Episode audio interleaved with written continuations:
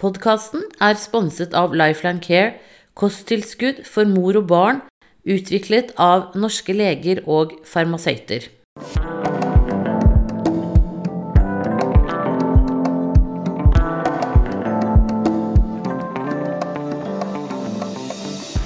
God morgen, da er nettpraten i gang. Eh, Og den foregår sånn at du legger inn spørsmålene dine på ekspertsvar på Alt for mamma, og så svarer jeg muntlig her. Eh, Og da leser jeg først opp spørsmålet, og så leser jeg inn svaret mitt. Um, Så da Og det er ingen spørsmål som er for dumme til å stilles, eh, og jeg svarer etter beste evne. Da tror jeg at jeg bare begynner med en gang. Nå jeg liksom fått justert den mikrofonen litt. Da begynner jeg. Da er det sover på side. Hei, Siri. Jeg vet at det er anbefalt at babyer skal sove på ryggen og ikke på magen. Men hvordan er det i forhold til å sove på siden? Jeg har ei jente som er, på, som er eh, fem måneder gammel, og hun vil helst sove på siden. Hun våkner hvis jeg legger hun på ryggen i sengen. Hun liker å sove bare på siden. Jeg er litt bekymret for det, fordi jeg vet at det er anbefalt at babyer skal sove på ryggen hvis hun er under ett år. Det er også veldig mye problem med å rape med hun. Hun raper ikke så mye etter amming. Hva kan jeg gjøre, og hva anbefaler du? Jo, nå er det sånn at etter hvert som de snur seg selv eh, om natten, så skal man ikke drive og snu dem tilbake. Så hvis hun foretrekker og legger seg over på siden selv og sånn, så er det helt greit. Og jeg tenker at det, det viktigste er jo for så vidt nattesøvnen. Og når hun er fem måneder, så begynner hun å bli såpass gammel at det, faren for krybbedød er ikke så stor. Du kan eventuelt gå inn på nettsidene til um, eh, LUB, er det ikke det det heter da?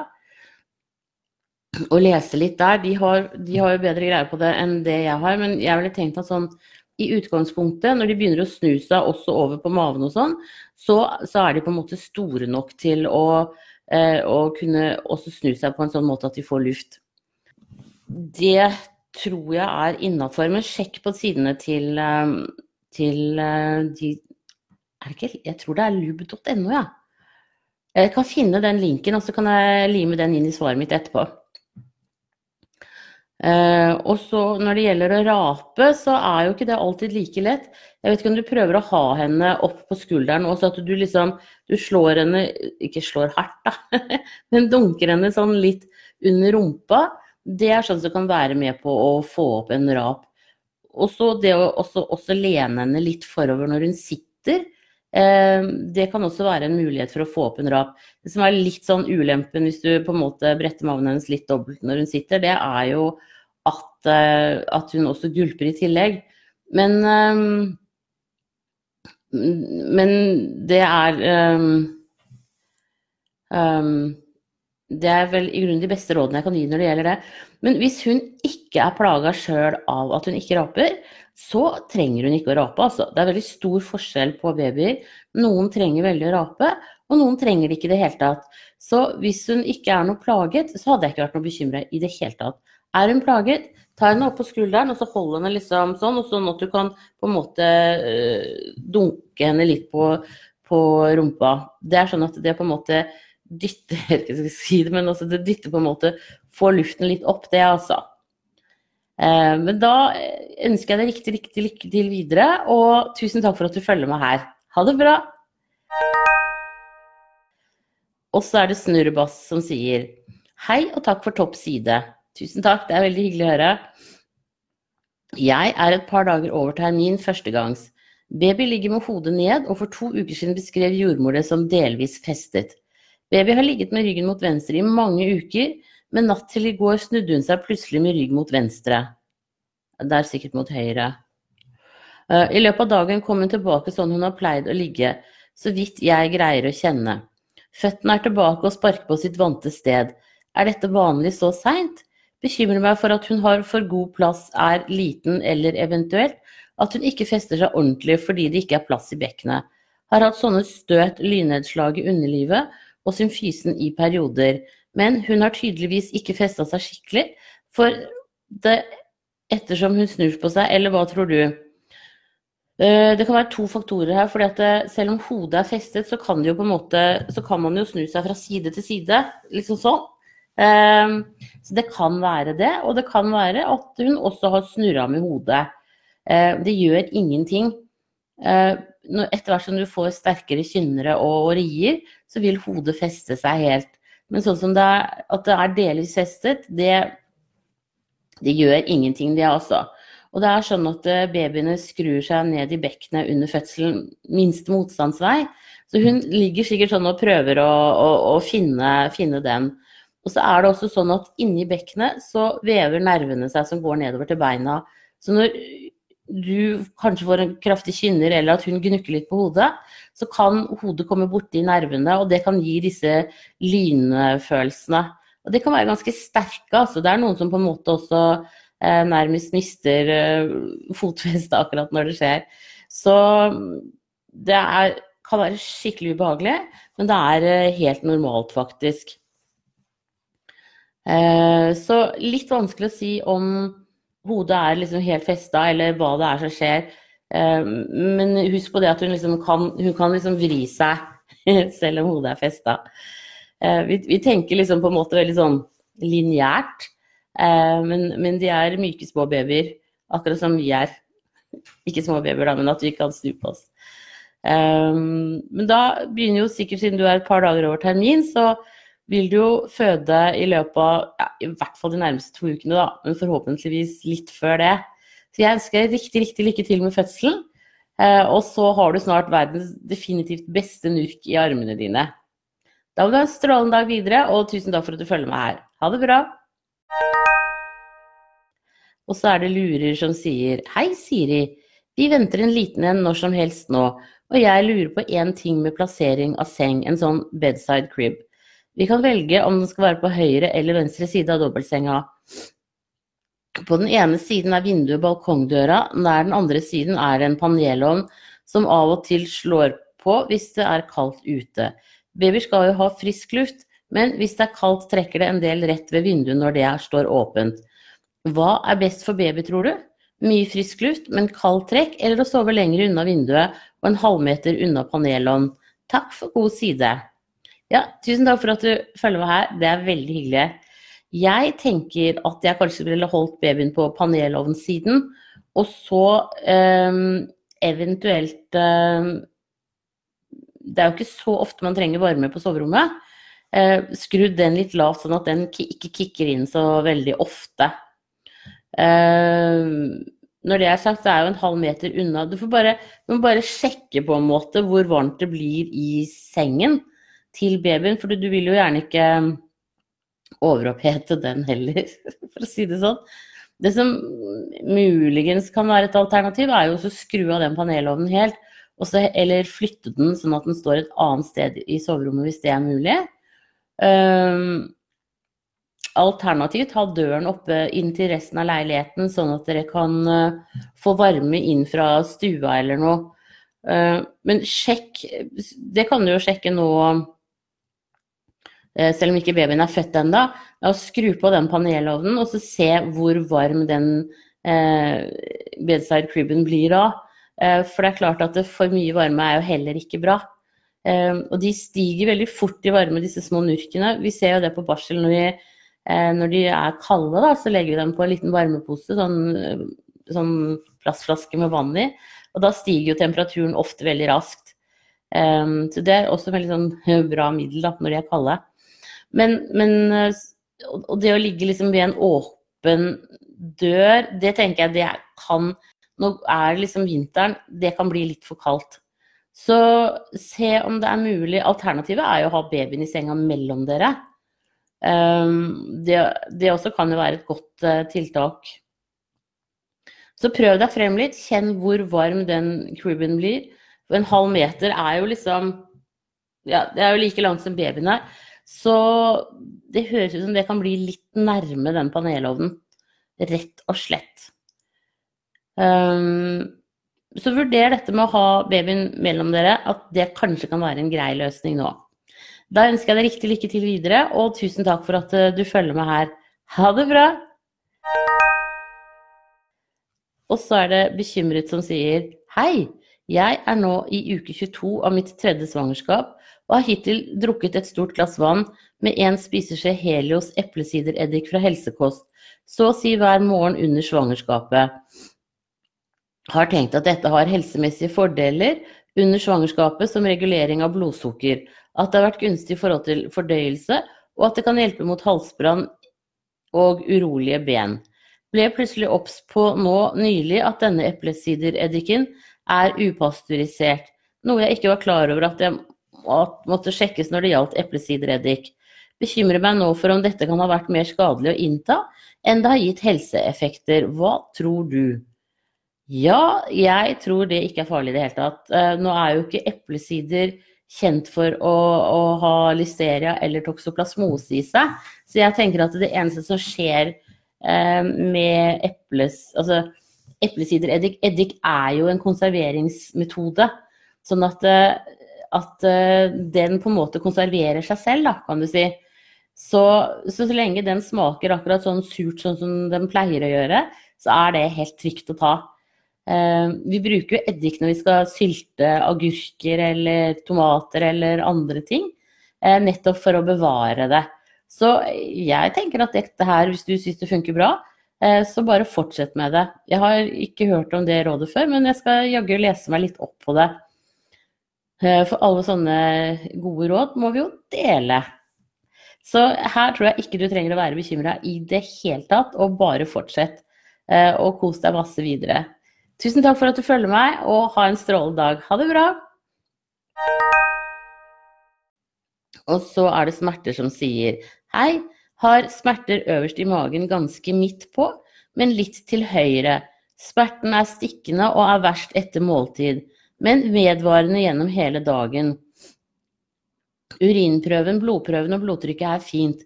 Lurer på hva det kan være, og om det er noe å gjøre med den smerten. Jeg tenker vel helt sånn nøkternt sett at det kanskje kan være en eh, mulig at du har en gallestein. Eh, da må man ta spesielle blodprøver for å eventuelt påvise det. Så det tenker jeg at det kan du jo godt gjøre, for det kan være greit å vite hva det er. Eh, Eller så er det også sånn at noen kan ha eh, noen punkter på livmoren hvor man på en måte har en smerte. Hvor det kan, det kan være myomer, eller det kan bare være det at nervene kommer veldig på strekk. Men jeg syns du skal høre med fastlegen din om det er eh, om hva vedkommende tenker, om det kan være en gallestein. Nå er det sånn at man gjør veldig lite med eh, gallesteiner og sånn når man er gravid. Man vil på en måte operere minst mulig. Men hvis man blir veldig plaga av smerter, og det er jo vondt å ha vondt hele tiden, eller man blir jo veldig sånn sliten av det, så tenker jeg at, uh, at, at det kan hende at det går an å ta en sånn kikkhullsoperasjon. Men det har noe med hvor langt i graviditeten du har kommet til å gjøre, og hvor plaga du er. Men jeg syns i hvert fall at du skal få time hos fastlegen din nå til uka som kommer, og så få en litt sånn grundigere sjekk på det. Det går også an at du blir sendt til ultralyd eh, for å se om, om, de kan se om det er en muskelknute, f.eks. Men i og med at du sitter, sier at det sitter litt til høyre, så, så, er det på en måte litt i retning eh, der hvor galleblæren pleier å være. Da. Nå blir jo alt litt sånn omrokert eh, når man er gravid, fordi at livmoren dytter alt oppover og utover og, og sånn. Så dette her eh, tenker jeg det kan være lurt også, også få sjekka. Så da ønsker jeg deg riktig lykke til videre, og tusen takk for at du følger med her. Ha det bra! Og så er det Siri som sier hei, jeg lurer på hvordan det er på fødestuen. Jeg har alltid sett for meg å føde på ABC Ullevål, men nå blir det kanskje ikke noe av. Det jeg har sett av vanlige fødeavdelinger skremmer meg litt, med ledninger og belte og pipende maskiner og delt rom på barsel. Ja øh, Fødestuene, de vanlige fødestuene nå til dags, er ikke så fryktelig sånn, sånn hvis det er sånn rimelig nytt, da er ikke så veldig annerledes enn øh, ABC. Men hvis du skal føde på Ullevål, så begynner jo det for så vidt å bli litt Der er det vel kanskje litt gammelt. Men de har jo um, Maskinene som er der, de står jo og er tilgjengelige i forhold til uh, hvis de skal trenges, og de blir jo ikke brukt hvis man ikke må. Eh, det du kan gjøre, er jo at neste gang når du er på kontroll på, på ABC, høre med dem om de kan ta deg en tur bort på og se på en av de vanlige fødestuene. Hvis de har god tid og det er ledig, så er det ikke noe problem i det hele tatt. Og da kan også jordmor på ABC eh, fortelle deg hva de forskjellige apparatene er til. Men stort sett er det en Jeg tror det er en, at de har en datamaskin de, hvor du kan føre inn eh, underveis det man gjør av funn. Og så er det et CTG-apparat eh, som er en sånn hvor du kan måle hjertet til babyen og hvordan den på en måte reagerer på rier og spark. Og så er det blodtrykksapparat. Eh, nå husker jeg ikke om de har Jeg tror ikke de har lystgass på Ullevål, men de har helt sikkert eh, surstoff som henger med sånn eh, grønn slange i veggen. Og eventuelt en, en maske på. Um, så sånn veldig hokus pokus er det ikke. Inne på Alfa Mamma så ligger det en um, artikkel, jeg kan linke til den, jeg. Ja. Det er fra Ahus riktignok, men jeg tror at det kan være ganske likt sånn som det for så vidt er på Ullevål og også andre steder. Uh, så jeg skal ta også linke til den i svaret mitt etterpå.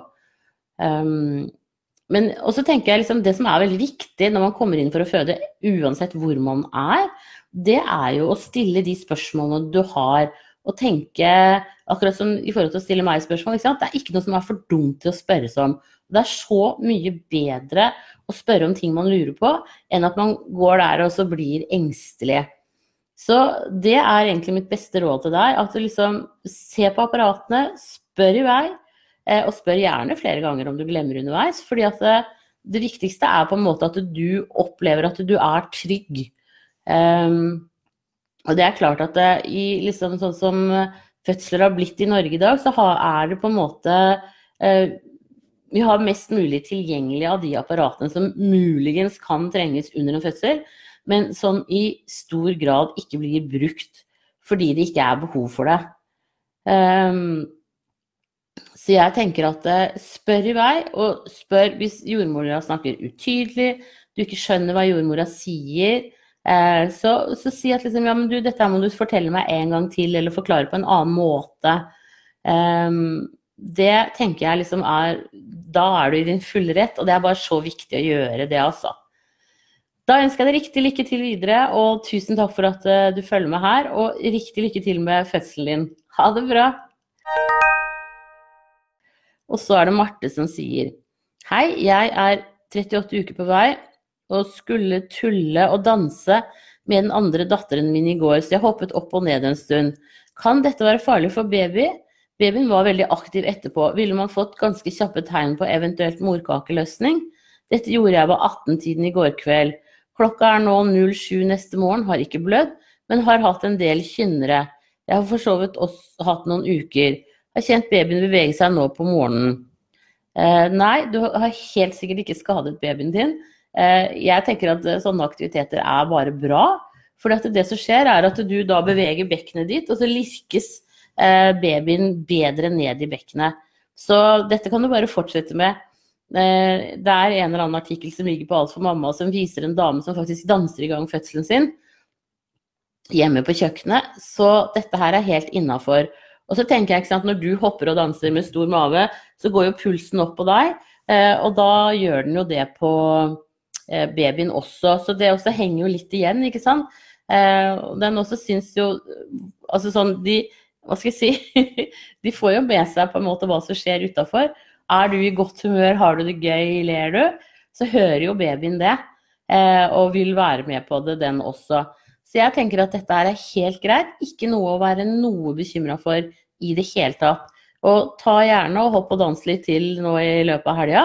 Så kan du se om um, om muligens uh, at du kan danse i gang fødselen.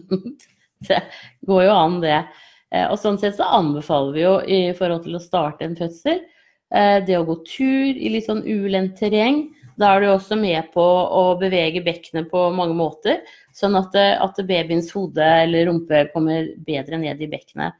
Så det er ikke noe farlig. Skulle vannet gå, så er det jo bare å, å ringe til fødende og snakke med dem.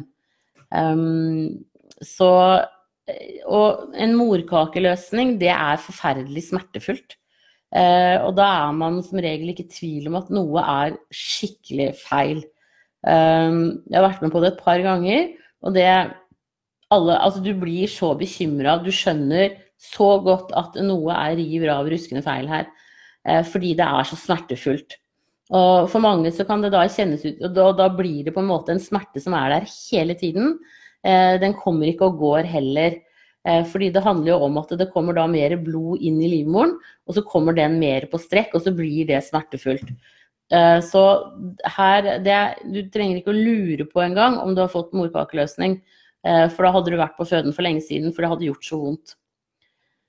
Så, så her tenker jeg liksom Fortsett å kose deg i helga, og, og, så krysser vi fingrene for at du snart føder. Da, og tusen takk for at du bruker nettsiden og følger med her. Ha det bra! Da er det Mimmi som sier hei, er i uke 32, førstegangs og har tanker i forhold til fødsel. Det sies at tunge fødsler ikke går i arv. Men når damene i nær slekt har ganske lik kroppsfasong, litt brede hofter og ser ut som de perfekte fødemaskinene, har hatt tunge og kompliserte fødsler som ender med komplikasjoner eller keisersnitt, kan man ikke i det hele tatt forberede seg på at det kan bli sånn for en selv. At en f.eks. ikke vil at de fødselen at de fødselen skal drøyes for lenge før man gjør noe. Når en kvinne kjenner på kroppen at dette her går ikke, men likevel så drøyes det til siste siste, før det ender opp med keisersnitt som hun selv følte på kroppen. Lurer også på hva jeg eventuelt kan gjøre i forkant for å få en bedre fødsel. Triks og tips. Er det noe spesiell pusteteknikk? Perineummassasje, trening, healing? Som du skjønner, så er jeg litt tankefull i forhold til dette her. Ja, og det skjønner jeg veldig godt. For vi sier jo det at det kan gå i arv, både med lette og tunge fødsler. Eh, det som er, er at du er jo 50 eh, eh, fremmede gener i forhold til moren din. Sånn at sjansen for at du har fått et annet bekken enn henne, er ganske stor. Og det jeg tenker på en måte her, er at det er bekkenet som er komplikasjonen. Hvis man på en måte har begynt i fødsel og det ender i keisersnitt. Du kan jo høre med disse eh, andre, kvinnene om, om, det faktisk er forskjellige årsaker.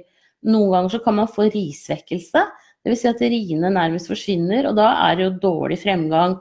Og det kan babyen og mammaen tåle en stund, men eh, ikke så veldig lenge. Og så er det nå også sånn at de griper inn mye tidligere med ristimulerende midler faktisk veldig tidlig. Jeg må tilstå at jeg var inne på medisinsk fødselsregister i går, for jeg lette etter noe. Eh, og da står det at altså over 50% av norske fødekvinner blir stimulert med ristimulerende midler under fødsel. Og det det gjør, er at du på en måte Man venter ikke så lenge for å se om dette går bra. Man stimulerer heller for å, å gjøre at fødselen går litt fortere. Eh, og da blir du heller ikke sånn utmattet. Eh, og da har man også en større kontroll på det eh, i forhold til det med keisersnitt. Man ser på en måte, følger selvfølgelig nøye med på barnet om hvordan den tåler å bli stimulert, og, og hvordan det går. Eh, nå kommer jeg på en annen ting også. Altså dette her med at, at vi føder forskjellig. Så jeg syns du skal kanskje høre litt med disse kvinnene i familien. Og spørre liksom ja, var det risvekkelse? Eh, var det babyens gang ned i bekkenet som gikk dårlig? Eh, var det navlesnor som var rundt halsen på noen av babyene? Eh, det er, det, er måte, det er, mange ting som kan gjøre at det blir keisersnitt. Var det blødning? sånn at, det, at man Når vi forteller disse historiene til hverandre, så er det ikke alltid at man differensierer på årsaken. men det er superviktig, for vi er forskjellig laga og det vil være forskjellige ting som spiller inn. Så derfor så tenker jeg at du kan høre litt rundt før du liksom lar den engstelsen sette seg helt, da, hvis det går an å si det sånn. Så øh, sjekk det. Og så har det også noe å si hvor stor babyen er. Uh, hvis, hvis, dere, hvis, det er liksom en tradisjon for å føde store barn, så er det klart at det, da blir det jo enda litt trangere og det gjør jo at det på en måte kan gå litt treigere. Og med store barn så tenker jeg liksom 4,5 kilo pluss. Um, for det er det selvfølgelig noen som føder. For at vi skal få et snitt på 3,5 kilo, så må noen føde store barn, og noen føder små barn. Uh, og da har det jo noe å si om man går til termin eller ikke. Uh, nå er det sånn at med mindre man har svangerskapsdiabetes, så slutter babyen å legge på seg når man går på overtid. Da blir de faktisk mindre. Da begynner de å tære på underhudsfettet sitt. Uh, sånn at man behøver ikke være redd for å gå på overtid sånn sett da, i det hele tatt. Og så når det gjelder hva du kan gjøre i forkant, så er jo det på en måte å holde deg i bevegelse. At du går tur hver dag, en 20-30 minutter til sammen. Eh, har du mulighet for å gå tur i litt ulendt terreng, så er det det aller, aller beste. For da beveger du bekkenet, og da lirkes babyen godt ned i bekkenet. Det å, og også da også gjøre bekkenbunnsøvelser, fordi at det er med på å holde Eh, støtte hele skjelettet og, og, kroppen. Det, det, hjelper jo også ryggmuskulaturen. Eh, for da får du, du får også en bedre balanse. Så det tenker jeg, husk å gjøre knipeøvelser, det er også viktig. Uh, når det gjelder pusteteknikk, så er det vel egentlig på en måte det å huske å puste. Uh, før så, Det var en periode med det der som het Lamas-metoden og sånn. Det er ikke så aktuelt lenger. Så da vil jordmor fortelle deg på en måte også underveis i fødsel, det er jo derfor vi er der, for å fortelle deg om hva som er en bra pustemåte for deg. Men det å passe på å trekke pusten godt ned, puste rolig, ikke liksom la deg stresse. Eh, mange som går litt sånn inn i seg selv litt eh, under fødselen. Så det kan du jo alternativt eh, forberede makkeren din på og si at vet du hva, eh, at du kanskje forsvinner litt inn i deg selv. Eh, men, men, det er, har ingenting med, med, kjæresten din å gjøre. Og, og, og, det er liksom på en måte Det er en veldig sånn, for mange en veldig sånn introvert uh, sak å føde, fordi du, du, du, blir liksom så revet med i kroppen din. Og det tenker jeg det er Hvis du kan greie det, så er det også en veldig bra ting. For da går du på en måte inn i fødselsarbeidet, og du lar deg ikke affisere av det som skjer rundt deg. Um, Uh, Perineummassasje kan du gjerne prøve. Kjøpe en god sånn uh, perineumkrem på helsekost eller apotek. Uh, for det også øker på en måte din uh, bevissthet rundt perineum da, og, i, og under fødselen. Sånn at det, det er en, en, god ting. Healing, alltids bra det. Jeg har stor tro på det. Så det kan man prøve. Alt som gjør at du på en måte kommer i god kontakt med deg selv og blir avslappet, tenker jeg er bra ting. Og så er det også sånn ehm, at når du kommer inn for å føde, så snakk med jordmor. Still de spørsmålene du har. Eh, ikke vær noe redd for å stille dumme spørsmål i det hele tatt. Mye, mye bedre å ha gode svar enn å gå og lure og bli engstelig. Og bruk også jordmor nå i graviditeten til å stille en del av de spørsmålene som du har. Det syns jeg er kjempelurt, eh, for det er med på å trygge deg. Og en trygg eh, fødekvinne er liksom det mest optimale, kan du si. For da, da, knytter man seg ikke, da er man ikke engstelig. Og så er det en del sånn uh, fødesteder som nå etter hvert driver med det som heter spinning baby. Uh, som også er en metode hvor man beveger kroppen på forskjellig måte uh, for å få babyen godt ned i bekkenet. Eh, Bl.a. det med å stå med den ene foten oppå en stol og den andre på, på gulvet. Da får du en, en, større åpning av bekkenet. Men det kan eh, helt sikkert jordmødrene hjelpe deg med. Eh, det er jo av de, noen av de triksene vi har i boka, hvis man kan si det sånn. Så, så jeg tenker at liksom å være åpen for det som skjer underveis. Og så må du hele tiden holde fokuset på at du kommer til å ha verdens mest fantastiske nurk i armene eh, etterpå. Det er den store belønningen. Og ja, det kommer til å gjøre vondt, men det går over. Og som regel er det vondt bare på ri, og ikke imellom. Um, så det tenker jeg er liksom Og så forteller du hjernen din hele tiden at dette er en smerte fordi det er trangt. Det er ikke en smerte fordi det er noe farlig.